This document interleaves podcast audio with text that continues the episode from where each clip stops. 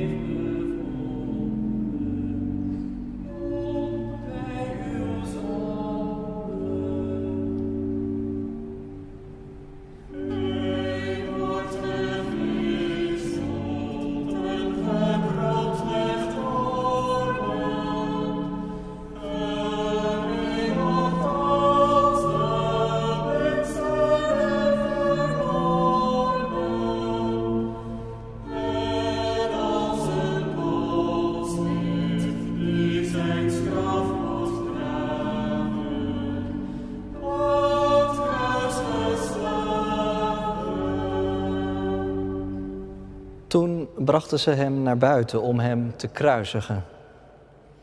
Ze dwongen een voorbijganger die net de stad binnenkwam, Simon van Cyrene, de vader van Alexander en Rufus, om het kruis te dragen. Ze brachten hem naar Golgotha, wat in onze taal schedelplaats betekent. Ze wilden hem met mirre vermengde wijn geven, maar hij nam die niet aan. Ze kruisigden hem en verdeelden zijn kleren onder elkaar. Ze dobbelden erom wie wat zou krijgen. Het was in het derde uur na zonsopgang toen ze hem kruisigden. Het opschrift met de aanklacht tegen hem luidde de koning van de Joden. En samen met hem kruisigden ze twee misdadigers, de ene rechts van hem en de ander links. De voorbijgangers keken hoofdschuddend toe en dreven de spot met hem. Ach, kijk nu toch eens. Jij die de tempel afbreekt en in drie dagen weer opbouwt. Red jezelf toch door van het kruis af te komen.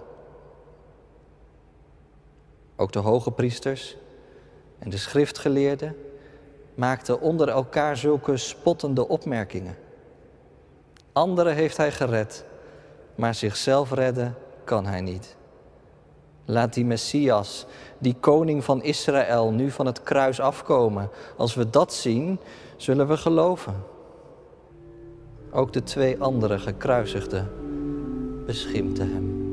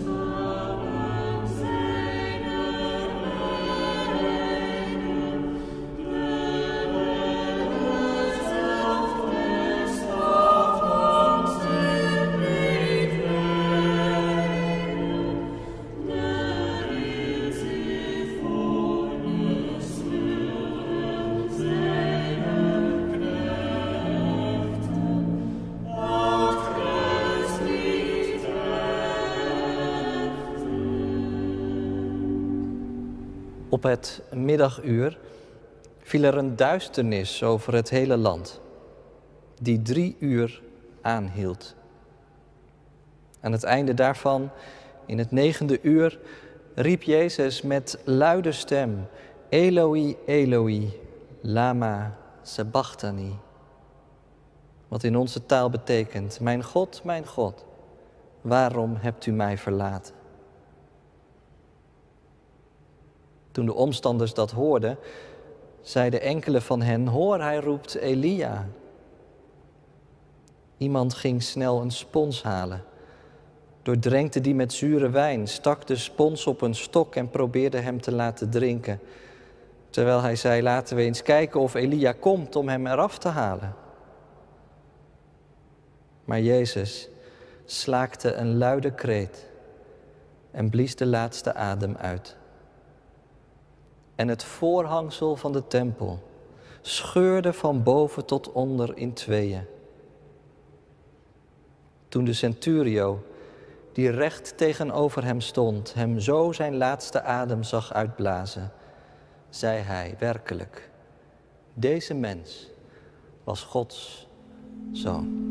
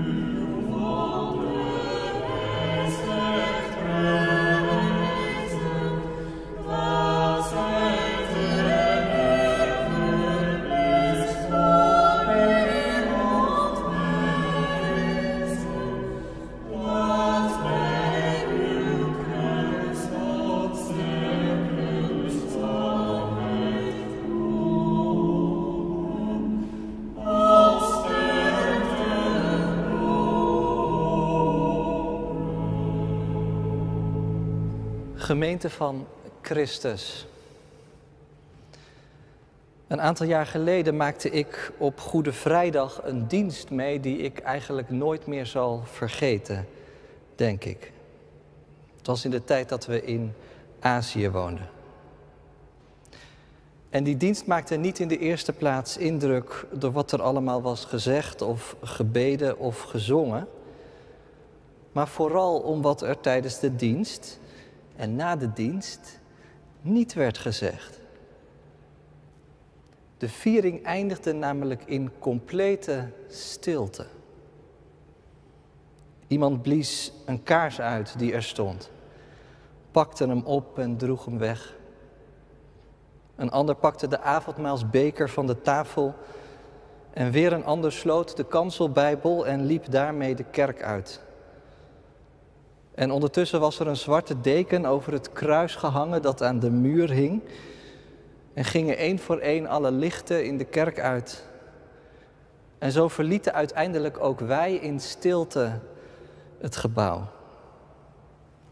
Werd er niet zoals we gewoon waren, gezellig gepraat op het binnenterrein, maar gingen we ieder met onze eigen gedachten de avond in, met dat beeld in ons achterhoofd van een huis van God waar alles wat naar de levende verwijst, was weggehaald. Een lege huls. Als God weg is in je leven, als God weg is in deze wereld, wat blijft er dan nog over? En zo zijn we bij de eenzaamheid. Het gevoel van verlatenheid, dat eigenlijk helemaal bij de Goede Vrijdag hoort. Moet je kijken hoe Jezus daar hangt. Aan het kruis op Golgotha. Nog geen week geleden werd hij als koning de stad binnengehaald. Stond er een juichende menigte om hem heen. En nu is er niemand meer die nog iets in hem ziet. Hangt hij daar, Helemaal alleen. Want ja, de leerlingen die hem gevolgd waren, die zijn bijna allemaal van het toneel verdwenen in de afgelopen week. De eerste die zou vertrekken was Judas Iscariot, nota bene nadat hij met Jezus de tafel had gedeeld. Liet hij zijn vrienden achter zich en koos hij partij voor de elite en voor zichzelf.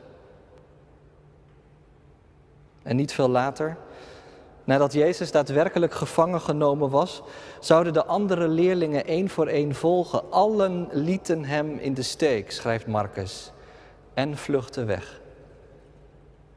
Eén jonge man, die alleen een linnen kleed aan had, probeerde nog even bij hem te blijven, lees je ook. Maar toen ook hij werd vastgegrepen, liet hij het kleed in hun handen achter en vluchtte naakt weg. En dan is er nog Petrus, de rots van de kerk. Maar als hij Jezus is gevolgd tot in het paleis van de hoge priester, dan steekt hij zijn meester een dolk in de rug door hem maar liefst drie keer te verraden. Vloekend en zwerend, ik ken die man helemaal niet. En zo is Jezus alleen op Golgotha aangekomen. Staat er van al die Galileërs hooguit nog een handje vol op afstand te kijken als je de evangelist Johannes leest. De leerling Johannes misschien. Samen met wat vrouwen uit Jezus leven. Maar voor de rest heeft die hele kring rondom de Messias. Allemaal leerlingen die in hem toch echt de Messias hadden gezien.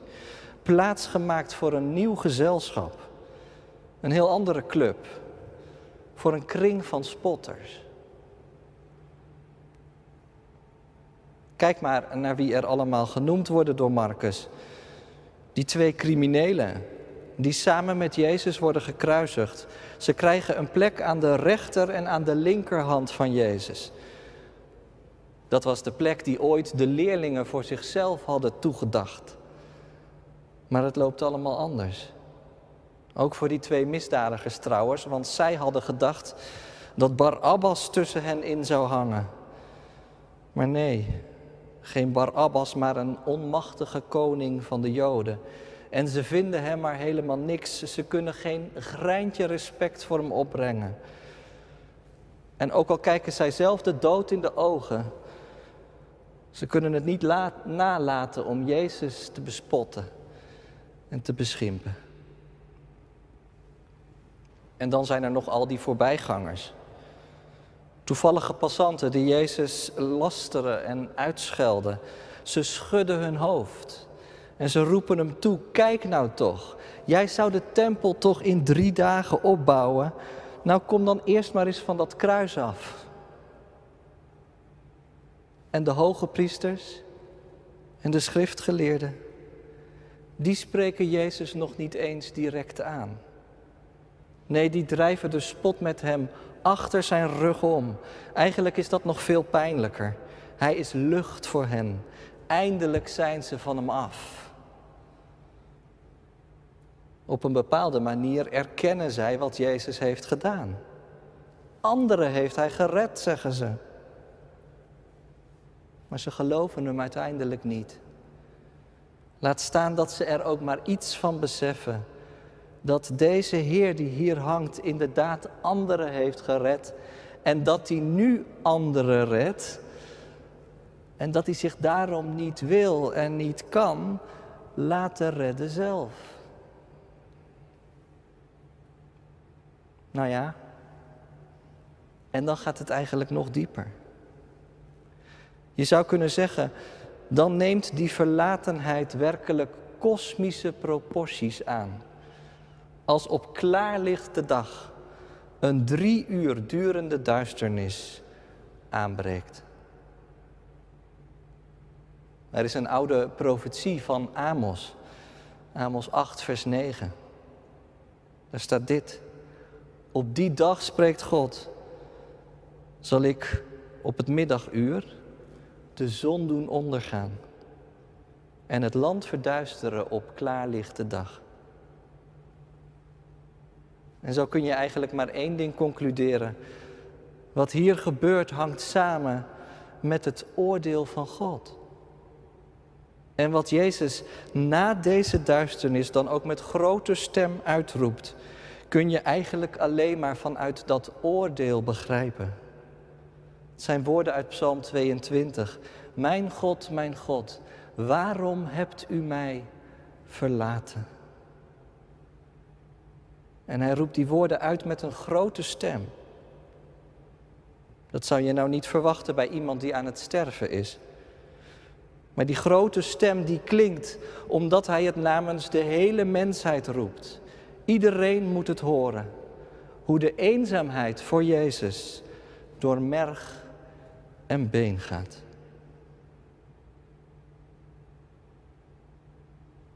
En hoe moet je daar dan op reageren?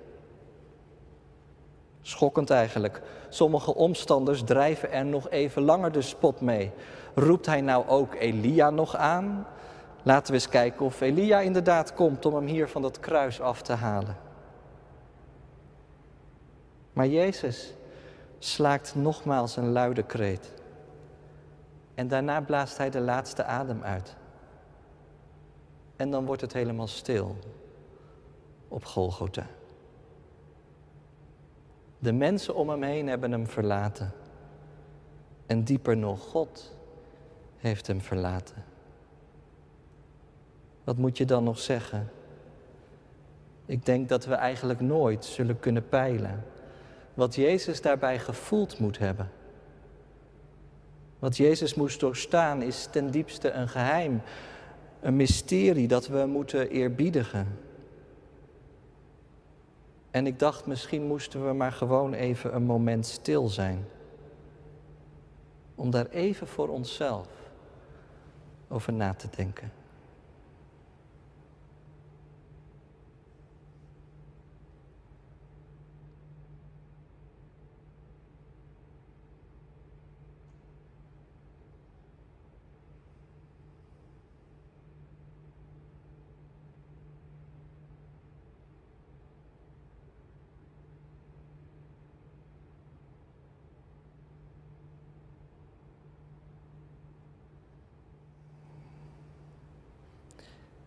Ik weet niet wat er door je gedachten is gegaan. Misschien roept dit allerlei gevoelens bij je op, misschien ook niet. Maar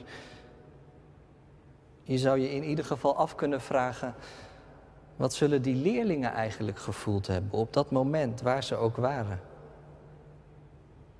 Volg mij, had Jezus keer op keer tegen ze gezegd. En ze zijn hem ook gevolgd.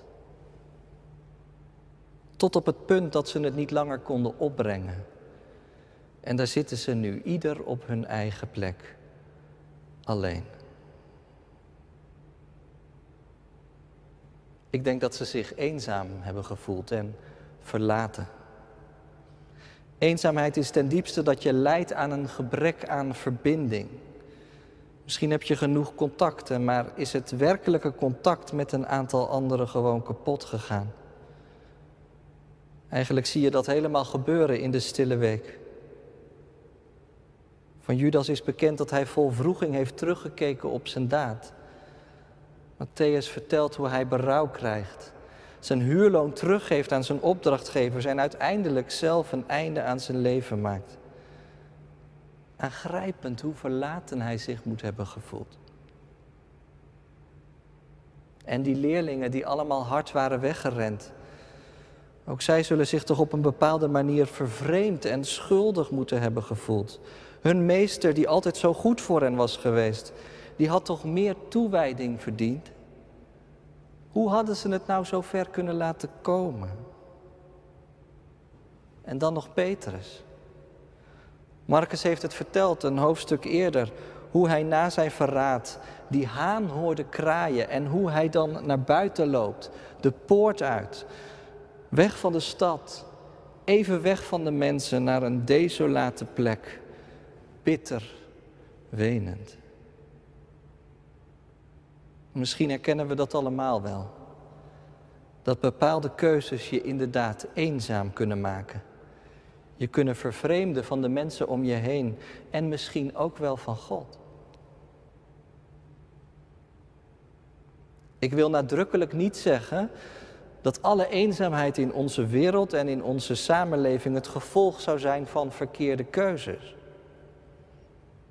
Alsof eenzaamheid de perfecte straf zou zijn voor ons verkeerde gedrag. Nee, dan ga je voorbij, denk ik, aan de diepe betekenis van Golgotha. Waar Jezus die eenzaamheid ons ten goede ondergaat aan het kruis. Maar wat je volgens mij wel kunt en moet stellen, is dat verkeerde keuzes die je soms maakt zonder dat je het zelf wil, zonder dat je anders kan of durft, zomaar tot een diep gevoel van verlatenheid kunnen leiden. Omdat mooie en goede verbindingen kapot gingen. Je ziet het bij Marcus gewoon gebeuren. Het is wel opmerkelijk dat de beleidenis aan het einde van dit gedeelte door een heidense soldaat wordt uitgesproken. Waarlijk, deze mens was Gods zoon. Alle leerlingen hadden dat al veel eerder ontdekt. Maar die zitten nu elk op hun eigen eiland. De verbinding is weg met de meester en met elkaar. En dan zijn we tegelijkertijd bij de diepste boodschap van Goede Vrijdag gekomen. En dat is dit. Dat in deze mensenzoon, aan het kruis, de hele wereld is vertegenwoordigd. En dat betekent dat Hij in Zijn eenzaamheid ook mijn eenzaamheid adresseert. Zijn verlatenheid is ons ten goede. En dat dit inderdaad zo is, dat blijkt wel als je ziet wat er gebeurt in de tempel. Op precies datzelfde moment. En het voorhangsel scheurde van boven naar beneden. De koning die een week geleden Jeruzalem binnenreed, blijkt inderdaad een lam te zijn. Wij dwaalden alle rond als schapen. Ieder zocht zijn eigen weg, zei Jezaja. Maar de wandaden van ons allen kwamen op hem neer. En zo gaan wij straks ieder onze eigen weg. De stilte van de stille zaterdag tegemoet. Als we ons te binnen brengen hoe diep dat lijden is geweest van onze Heer Jezus Christus, dan breekt ons hart. En dan weten we eigenlijk niet wat we zeggen moeten. En tegelijkertijd weten we ook van een nieuwe verbinding die onze diepste eenzaamheid uiteindelijk zal doorbreken. Verlangen we naar het paasfeest.